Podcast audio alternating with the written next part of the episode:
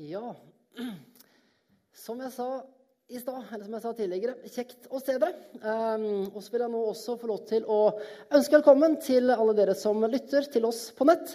Kjekt at dere også er med oss. Jeg skal begynne med å fortelle en liten historie. Og det var en historie som jeg hørte for en uh, tid tilbake. En historie om et uh, søskenpar som skulle overnatte hos bestemor og bestefar. Kvelden kommer. De har hatt en fin dag, men nå er det tid for å sove, og det er tid for å be aftenbønn. De to brødrene de ligger i hver sin seng inne på det lille rommet. og Sammen med bestemor så folder de hendene sine, og så begynner de å be.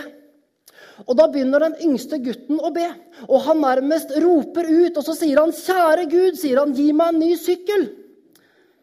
Og 'kjære Gud, gi meg en ny PlayStation', en ny bilbane' og gi oss en tur til Dyreparken i Kristiansand. Amen. Da gutten er ferdig med å be, så ber bestemor også en bønn. Før hun slukker lyset, sier god natt og går ut.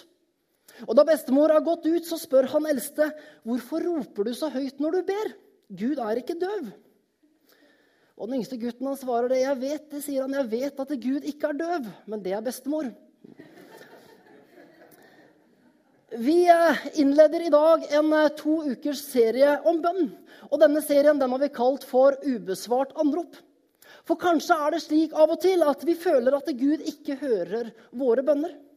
Vi ber, men vi føler at vi bare får ubesvart anrop. Vi roper, men det er ingen som svarer. Vi snakker til Gud, men vi føler kanskje det at samtalen den går ikke høyere enn til taket. Og videre kan det være slik at Gud også kanskje av og til får ubesvart anrop hos oss? Kan det være slik at Gud han prøver å kontakte oss, men vi er for opptatte? Kan det være at vi er for opptatte til å få med oss det som Gud ønsker å si oss? Og det eneste Gud får når han kontakter oss, det er ubesvart anrop. Bønn det er noe av det mest fundamentale i vår tro. Bønn det handler om eh, samtale med Gud. Og når vi leser om menn og kvinner i Bibelen som utretta store ting for ham, så var det mennesker som levde i en nær relasjon til Gud gjennom bønn. Jeg tror det er sånn at eh, Vi som har gått i kirka en stund, vi har en forståelse av det at bønn det er viktig. Vi tenker kanskje at bønn det er noe som vi bør gjøre hver dag. Og bønn det bør kanskje være en del av vårt trosliv, tenker vi. Men så tror jeg også det er slik at eh, for de aller fleste av oss, i hvert fall for mange av oss, så kan det være slik at det bønn det er vanskelig. Bønn det kan være noe som man sliter med å få til. Og bønn det kan mange ganger føre til dårlig samvittighet. For kanskje føler vi det at eh, vi må be mer. Og kanskje føler vi at vi ikke er åndelige nok. Kanskje er det sånn at vi vet ikke så mye om bønn. Kanskje tenker du at bønn det er noe som vi først og fremst gjør i kirka. Og du ser ikke hvordan det skal ha relevans for resten av hverdagen. Eller kanskje tenker du det at bønn det er noe de andre gjør. Bønn det er noe de andre gjør. De andre de er litt mer sånne som ber. Mens jeg, jeg er en litt sånn annen type. Overskrift for talen min i dag det er bønn. Jeg vet ikke hvordan. Og Gjennom resten av talen nå så skal vi se på tre punkt i forhold til hvordan vi kan kontakte Gud. Og Jeg håper at dette kan være noen konkrete tips til hvordan vi kan gjøre samtalen med Gud lettere og mer relevant i vår hverdag. Og Det første punktet som vi skal se på, det er det at det enkle er ofte det beste. Det er en reklame på TV som lærer oss det at det enkle er ofte det beste. Og slik tror jeg at det mange ganger kan være med bønn også. Jesus han sier i Matteus kapittel 6 vers 5-8.: Når dere ber, så skal dere ikke gjøre som hyklerne.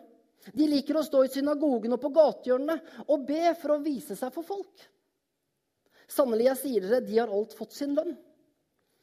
Men når du ber, så skal du gå inn i rommet ditt og lukke døren og be til din far, som ser i, din, i det skjulte. Og din far, som ser i det skjulte, skal lønne deg. Når dere ber, så skal dere ikke ramse opp ord, slik hedningene gjør. De tror de blir bønnhørt ved å bruke mange ord. Vær ikke lik dem. Jeg tror det at eh, mange ganger så har vi kanskje lett for å sammenligne våre bønner med andres. Og det hender rett som det er at jeg hører mennesker som sier det at eh, 'jeg er ikke så flink til å be'. Jeg tror at vi kanskje av og til tenker at bønnene våre må inneholde de rette ordene.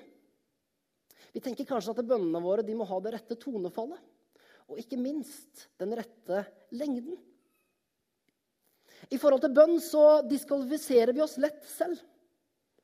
Og når vi diskvalifiserer oss selv i forhold til bønn, så går vi kanskje glipp av noe av alt det som Gud ønsker å gi oss gjennom nettopp bønn. Derfor så tenker jeg det. Istedenfor å sammenligne oss med andre, så la oss gjøre det enkelt. Hver kveld så ber Gunn Rakel, kona mi og meg, vi ber sammen med Mathilde, dattera vår. Og vi ber en enkel bønn for henne. Og I det siste så har Mathilde også begynt å be. Og Mathilde hun ber noen enkle bønner som rører et farshjerte. Og jeg tror det er sånn at når det rører mitt hjerte, så rører det også Guds hjerte. I vinter, tidligere, eller ja, i fjor vinter, når jeg gikk gjennom en tøff tid med sykdom, når jeg var en del inn og ut av sykehuset, så ba Mathilde en kveld, og så folda hun hendene sine. Og så ba hun, kjære Jesus, jeg ber at pappa skal bli frisk. Amen. En enkel setning, en enkel bønn. Og så tror jeg at Gud hører. I dag så ber ikke Mathilde om at pappa skal bli frisk. Men i dag så ber Mathilde for alle som bor i Kardemommeby. Og hun ber også, kjære Jesus, pass på det nye dokkehuset mitt som jeg fikk til bursdagen. Og det siste det kan vi le litt av. Men det herlige det er det at det er en ærlig bønn i forhold til de tingene som hun er opptatt av. Og akkurat nå så er Mathilde mest opptatt av Kardemommeby og dokkehuset sitt. Og så tenker jeg videre det er kanskje sånn bønn også skal være. At vi skal komme fram for Gud med de tingene som ligger oss på hjertet. Og de tingene som vi opplever er viktige for oss akkurat nå. Paulus han sier, 'Legg alt dere har på hjertet, framfor Gud i bønn og påkallelse med takk.' Legg alt dere har på hjertet, framfor Gud. Og jeg tenker det kan være de store tingene. Det kan være de store tingene som opptar oss. Eller så kan det også være de små, hverdagslige tingene. Det kan være forholdet til naboen. Det kan være krigen i Gaza. Eller at vi ønsker å be om at vi skal få fint vær når vi skal på Menighetsviken. Det er ingenting som er for lite for at vi kan komme fram for Gud med det. Og så er det også sånn at det er ingenting som er for stort. Og så tror jeg det er sånn at Gud han hører alle våre bønner. Og Gud han ønsker å gi oss svar. For jeg tror det at Gud han hører våre enkle og våre ærlige bønner. Bønnene våre som vi kommer med, som ligger på hjertet vårt. I januar måned så var jeg med på Impuls sammen med en gjeng ungdommer her fra kirka. Det ble invitert til forbønn, og jeg tenkte det at det skal jeg benytte meg av.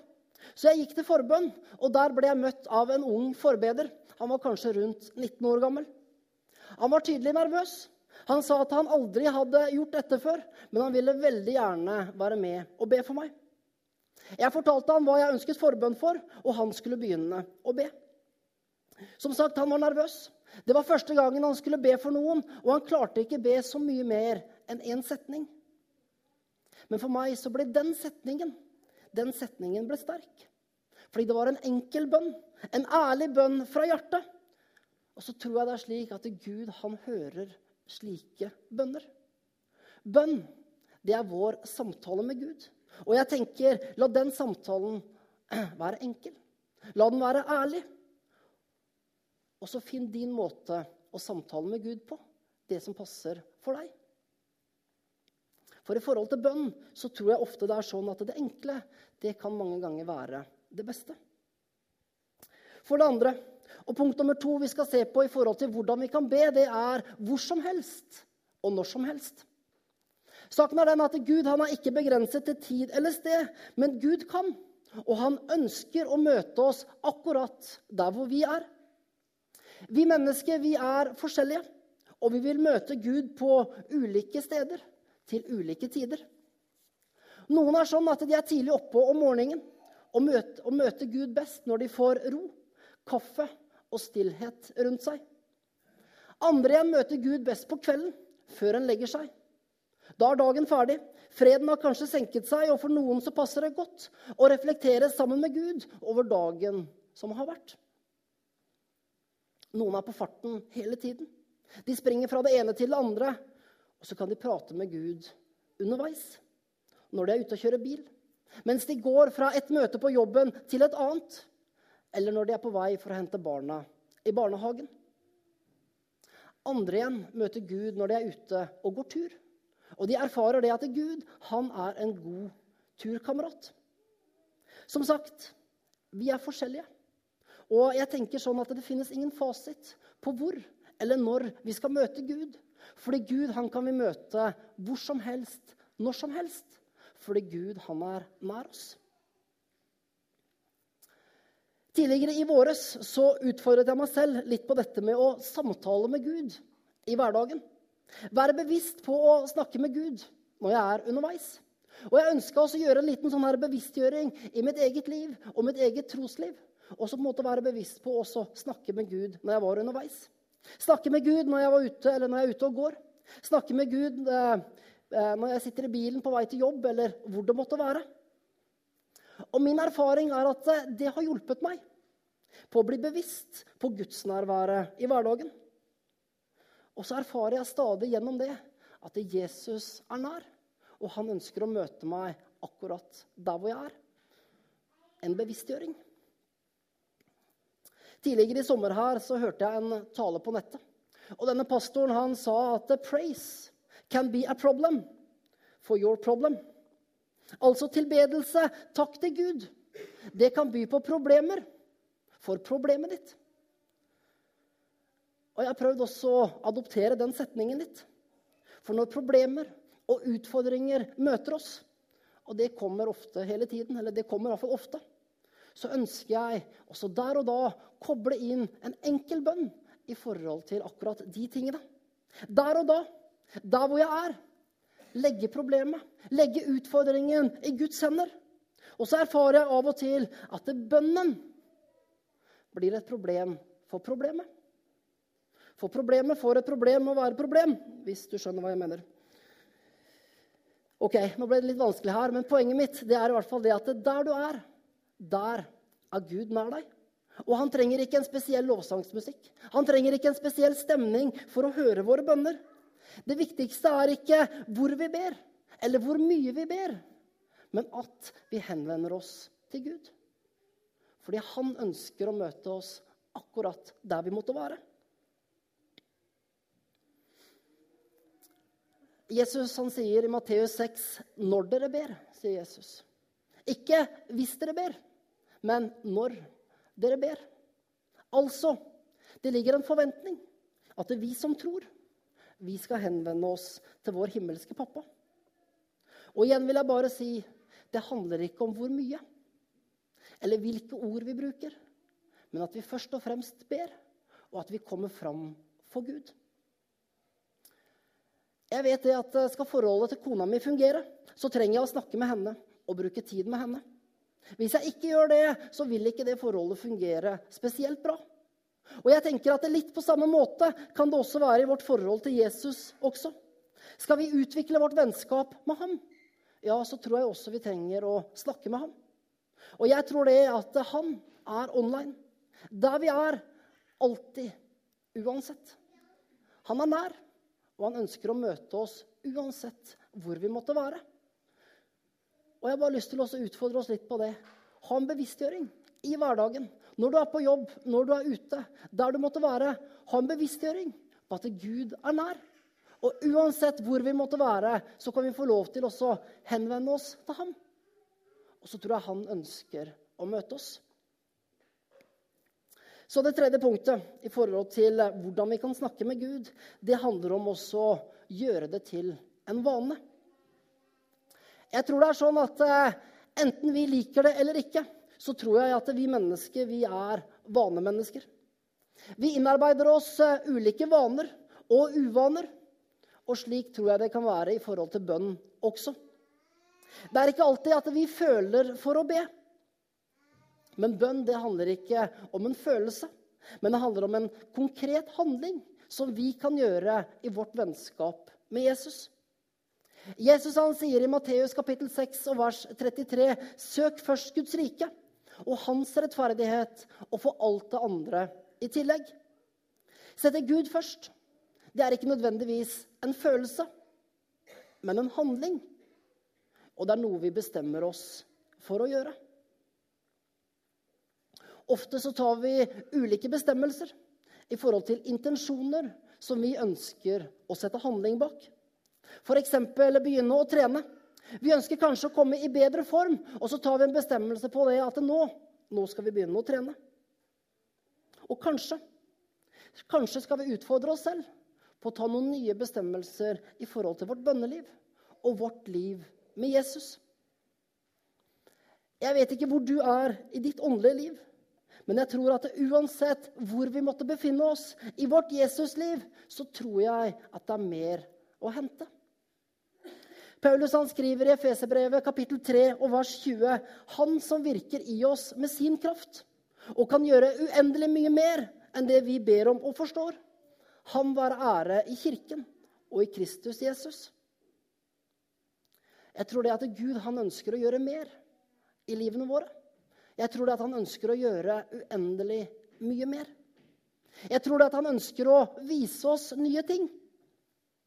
Og så tror jeg det er sånn at Gud først og fremst han viser og lærer oss gjennom å samtale med ham og gjennom å lese i hans ord. Derfor gjør det til en vane.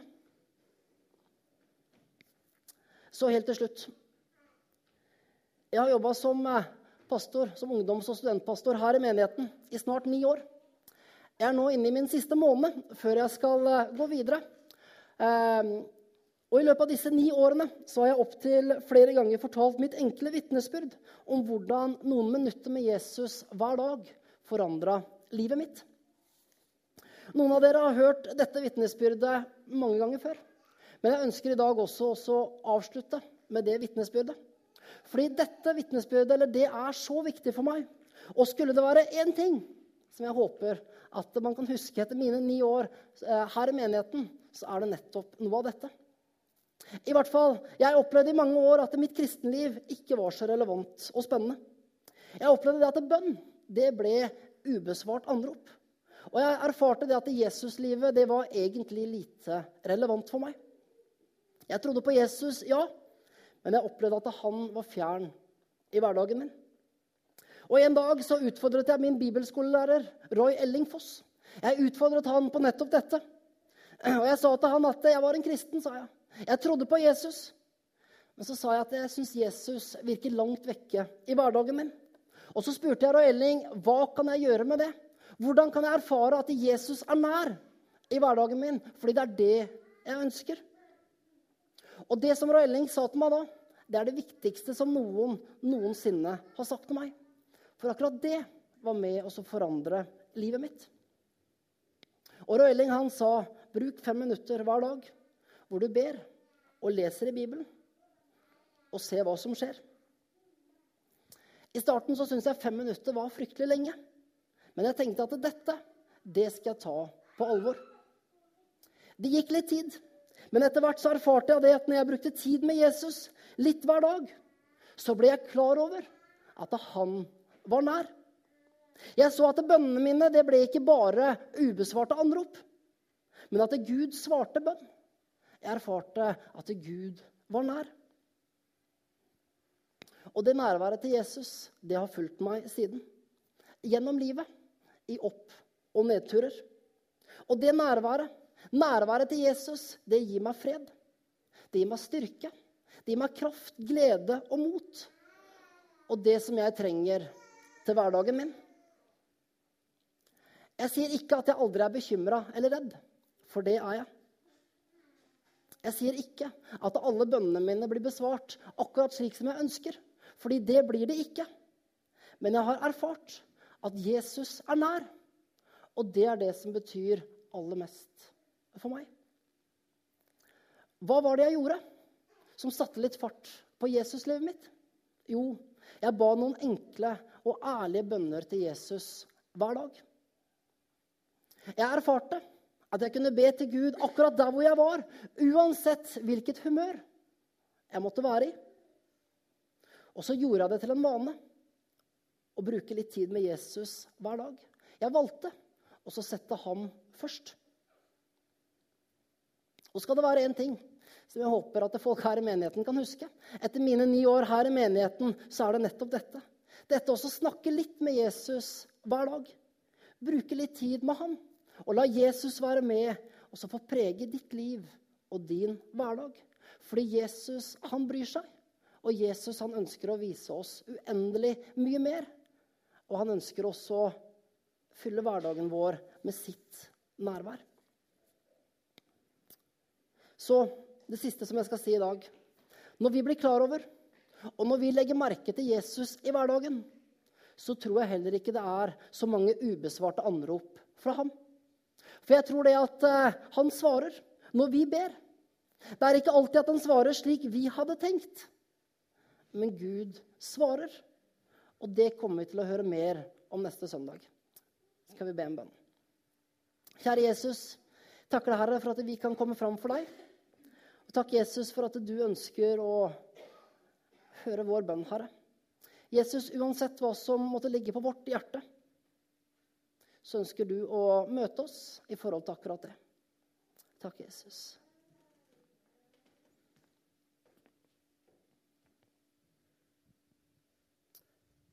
Og Jesus, nå ser du våre liv, Herre. Du ser eh, de tingene som ligger på hjertene våre akkurat nå.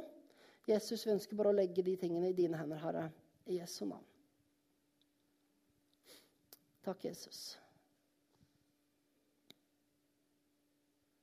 Og takk, Jesus, for at du er nær der hvor vi er. Uansett hvor vi måtte være, og uansett hvor vi måtte være i livet. Takk, Jesus.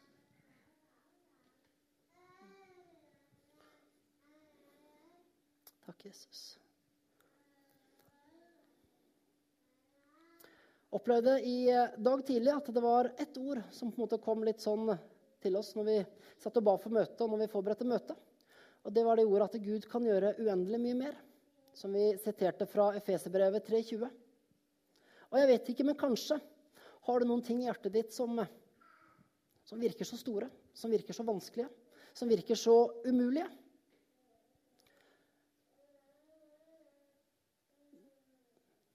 Jeg tror det at Gud kan gjøre uendelig mye mer. Og det vi ser som umulig, jeg tror at det kan være mulig for Gud. Og Jesus ønsker bare også å legge de tingene, Herre, i dine hender. Herre, noen ting som vi kanskje ser som enorme fjell, som umuligheter. Takk, Jesus, for at det, ingenting er umulig for deg. Og takk, Herre, for at du kan gjøre uendelig mye mer. Langt mer enn det vi ber om og forstår. Og Herre, vi ønsker bare å overlate det til deg, og vi ønsker å legge det i dine hender, far, i Jesu navn. Takk, Herre, at du hører bønn. I Jesu navn.